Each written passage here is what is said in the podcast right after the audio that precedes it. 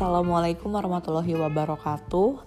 Selamat datang di podcast saya dalam kelas personal image branding. Nah, pada minggu ini saya ingin membahas tentang ada dua jenis personal branding. Yang pertama itu ada natural atau natural personal brand dan yang kedua adalah created personal brand. Jadi uh, natural personal brand itu adalah personal brand yang terbentuk secara tidak sengaja. Nah, ini bisa terjadi ketika seseorang atau kalian itu sudah memiliki nilai dan prinsip yang kuat dalam diri kalian dan kalian menerapkannya itu ke dalam kehidupan sehari-hari sehingga ketika kita dihadapi dalam berbagai situasi khususnya dalam menjalani karir itu kalian sudah tahu dan paham apa yang dibutuhkan, apa yang kalian inginkan dan apa yang disukain. Nah, sedangkan created personal brand, namanya aja created artinya sengaja dibentuk sesuai dengan apa yang kalian mau, apa yang kalian inginkan. Seseorang dapat membentuk personal brand sesuai dengan keinginan kita melalui berbagai upaya yang dilakukan secara berkelanjutan dan terus-menerus. Misal, created personal brand itu bisa bertahan apabila kita menerapkan komponen-komponen utama dan komponen-komponen pendukung personal brand yang telah dijelaskan sebelumnya. Mudah-mudahan kalian masih ingat ya. Nah, ketika seseorang membentuk personal brand secara otentik atau secara natural, maka pembentukan tersebut akan berjalan lebih mudah dan bertahan lama. Hal ini dapat terjadi karena uh, berbagai upaya yang dilakukan itu masih berada pada garis kesukaan dan sesuai dengan diri diri kalian masing-masing. Nah, sehingga uh, proses pembentukannya dijalani tanpa ada rasa paksaan dan bukan sesuatu yang dibuat-buat demi menimbulkan kesan yang positif pada pandangan orang lain. Nah, berbeda nih dengan si created personal brand yang tentunya tidak otentik tidak sesuai dengan nilai keyakinan, kekuatan, dan juga keunggulan diri. Jadi berbagai upaya yang dilakukan itu belum tentu menjadi sesuatu yang disukai dan sesuai sama diri kita. Apa pun yang dilakukan bukanlah sebagai gambaran atau cerminan dirinya, melainkan gambaran atau cerminan bayangan orang lain yang ingin ditampilkannya. Kira-kira seperti itu.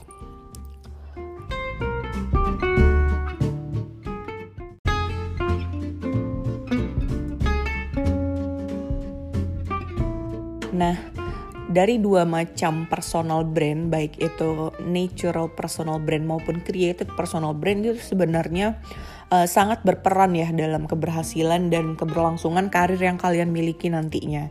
Tapi dalam hal created personal brand, orang atau kalian itu akan lebih baik kalau membangunnya itu secara otentik yaitu berdasarkan pada nilai keyakinan, keunggulan serta kemampuan diri kalian sehingga apa yang uh, telah kita upayakan itu dapat bertahan lama karena memang sesuai dengan cerminan diri kita. Nah, salah satu contoh yang bisa saya share pada natural personal brand adalah Dalai Lama. Jadi Dalai Lama ini adalah kepala pemerintahan Tibet yang sangat memegang teguh tiga kom, uh, komitmen utamanya yaitu dia menyebarkan nilai-nilai kemanusiaan seperti kasih sayang, toleransi, dia juga uh, memegang nilai memaafkan, kedisiplinan dan juga menyebarkan pemahaman tentang harmonisasi antar umat beragama dan dia juga memiliki pengertian pada tradisi-tradisi agama lain di dunia. Dan si Dalai Lama ini juga sangat menjaga budaya penganut agama Buddha di Tibet yaitu uh, kedamaian dan juga non kekerasan. Nah, seorang biksu yang terpilih menjadi Dalai Lama merupakan seseorang yang memiliki nilai visi, misi dan juga uh, maksudnya memiliki nilai visi dan misi sesuai dengan apa yang dia tonjolkan. Maka dari itu nilai-nilai yang ada pada dirinya itu merupakan nilai-nilai yang sangat dipegang dan diamalkan oleh si Dalai Lama ini dalam kehidupan sehari-harinya. Jauh sebelum dia terpilih uh, menjadi kepala pemerintahan di Tibet. Nah, jadi ada pun juga masa jabatan si Dalai Lama ini berlaku hingga uh, penghujung usia di mana Uh, untuk menemukan reinkarnasi Dalai Lama berikutnya atas dasar catatan atau petunjuk peninggalan Dalai Lama sebelumnya. Nah, jadi ada banyak sekali nih ternyata penghargaan yang diterima oleh si Dalai Lama ini, termasuk di antaranya uh, penghargaan dok dokter honoris causa dari berbagai universitas di berbagai negara. Mungkin bisa kalian baca itu di PowerPoint. Nah, kemudian uh, untuk contoh um, public dari public figure uh, dengan created personal branding itu kita bisa ambil contohnya Lady Gaga. Nah, Lady Gaga ini melakukan berbagai gebrakan nih. Kita tahu dia sebagai penyanyi di Hollywood, salah satu cara untuk menarik perhatian publiknya adalah dengan menggunakan model-model pakaian yang berbeda dari yang lainnya. Kalau kalian ingat, dia masih menggunakan pakaian yang terbuat dari daging sapi. Kalau kalian ingat ya, itu sempat heboh banget, sempat viral. Nah, itu juga sebenarnya merupakan salah satu gebrakan fashion dia untuk mendapatkan perhatian publik dalam membangun branding yang memang dia ciptakan, yang ingin diciptakan. Nah, dalam hal performance-nya, si Lady Gaga ini selalu menampilkan totalitasnya dari segi penampilan. Maka maka dari itu, uh, untuk mempertahankan eksistensinya dia harus uh, selalu menciptakan gebrakan-gebrakan baru sesuai dengan brand yang ia, ingin ia bangun. Mudah-mudahan nangkep ya maksudnya sampai sini. Nah, jadi uh, ada quotes yang saya ambil. Kompetensi yang dimiliki dapat menjadi modal utama dalam menciptakan personal brand yang kuat dibandingkan dengan menciptakan personal brand yang asal jadi. Mudah-mudahan kalian paham ya.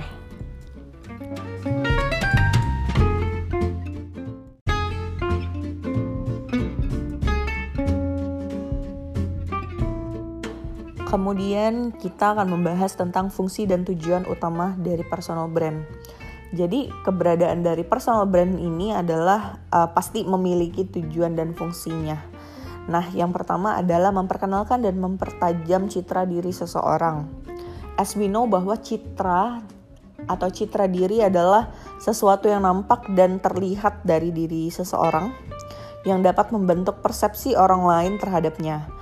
Jadi ketika kalian memiliki personal brand yang kuat, maka orang lain tuh akan dengan mudah dan paham citra dirinya, termasuk kelebihan apa nih yang kalian miliki, kepribadian seperti apa yang kita miliki, dan sebagainya. Jadi citra positif itu sangat diperlukan seseorang dalam menjalani karirnya.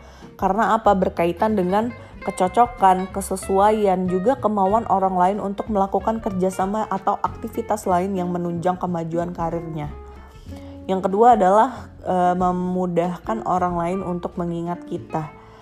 Nah, dengan adanya personal brand, orang akan dengan mudah e, diketahui keunikan yang dimilikinya, khususnya melalui style, e, skill juga atau aspek lain yang menjadi icon atau ciri khas yang kita miliki. E, contohnya mungkin sudah kita bahas ya di komponen-komponen utama dan pendukung. Jadi keunikan membuat seseorang tuh lebih menonjol dibandingkan orang lain. Maka dari itu orang lain yang orang lain akan mudah mengingatnya apabila kita itu sangat menonjol dengan keunikan-keunikan kita. Nah, semakin unik seseorang itu akan semakin tinggi posisinya. Jadi uh, keunikan itu sangat menentukan posisi seseorang di pikiran orang lain.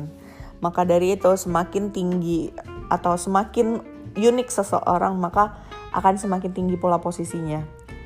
Dan ini juga akan menentukan peluang seseorang untuk menerima kesempatan-kesempatan yang ada terkait dengan karir pekerjaan. Misal, seseorang atau seorang profesional yang menjalani peran dan tanggung jawabnya sesuai dengan core value dari perusahaan di mana dia bekerja.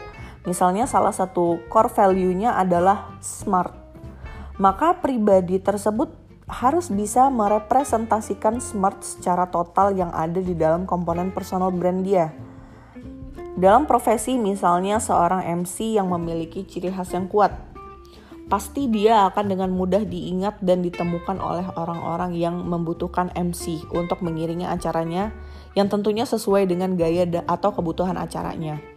Kemudian yang ketiga adalah memudahkan untuk menentukan pilihan. Itu fungsi dan tujuan yang ketiga. Jadi dalam hal ini maksudnya adalah personal brand itu dapat mempermudah seseorang untuk mengetahui pekerjaan yang tepat dan lebih cocok untuk mengambil oh, untuk diambil atau dilakukannya. Jadi ketika seseorang memiliki personal brand maka dia telah paham nih sama dirinya. Maka dari itu uh, ketika dihadapi berbagai pilihan atau kesempatan, seseorang akan memiliki yang memiliki personal brand, maksudnya seseorang yang memiliki personal brand itu akan dengan mudah menentukan dan mengambil keputusan. Pilihan ditetapkan sebagai hasil dari keinginan, kesukaan, dan keahlian yang memang dimiliki sehingga pekerjaan yang dikerjakan itu memiliki keterkaitan satu dengan yang lainnya. Misalnya dalam hal pemilihan baju dan job offering. Seorang public figure yang dalam suatu acara yang mengharuskannya menggunakan pakaian sponsor akan dengan kritis dan mudah memilih tipe, motif, dan gaya pakaian yang akan dipakainya. Begitu pula dengan job offering yang ada. Seseorang yang memiliki personal brand akan selektif dalam menerima tawaran pekerjaan yang datang padanya. Hal ini dilakukan bukan karena dia butuh tawaran tersebut, melainkan karena dia mengetahui pekerjaan yang diambilnya itu sesuai dengan personal brandnya, termasuk dari sisi waktu yang uh, kita tidak akan, maksudnya termasuk dari sisi waktu. Jadi kita tuh tidak akan membuang-buang waktu untuk sesuatu yang tidak kita perlukan atau kita butuhkan. Dan yang terakhir adalah berkarir secara fokus. Nah, ini tuj uh, fungsi dan tujuan yang terakhir bahwa uh, seseorang yang memiliki personal brand akan menjalani karirnya dengan fokus. Dengan adanya personal brand, seseorang mengetahui tujuan dan target-target yang ingin dicapainya. Maka dari itu, uh, pekerjaan yang dilakukan pun akan lebih fokus pada upaya-upaya pencapaian tujuan. Misalnya, uh, seseorang yang ingin menjadi seorang konsultan terkenal akan menjalani berbagai aktivitas dan pekerjaan yang dapat mendukung dan membantu tercapainya keinginannya tersebut yaitu dengan mengikuti berbagai macam pelatihan, sertifikasi keahlian dan lain sebagainya. Nah, uh, mudah-mudahan paham ya dengan apa yang disampaikan. Nah, untuk tugas selanjutnya, exercise 5 itu mohon kalian bikin daftar tindakan. Jadi setelah kita membahas personal brand secara komponen-komponennya di minggu lalu, sekarang bikin atau buatlah rencana aksi atau daftar tindakan yang harus kalian lakukan untuk membentuk atau mencapai personal brand yang diinginkan. Selamat mengerjakan, mudah-mudahan bermanfaat. Kalau ada pertanyaan boleh langsung japri saya. Terima kasih. Assalamualaikum warahmatullahi wabarakatuh.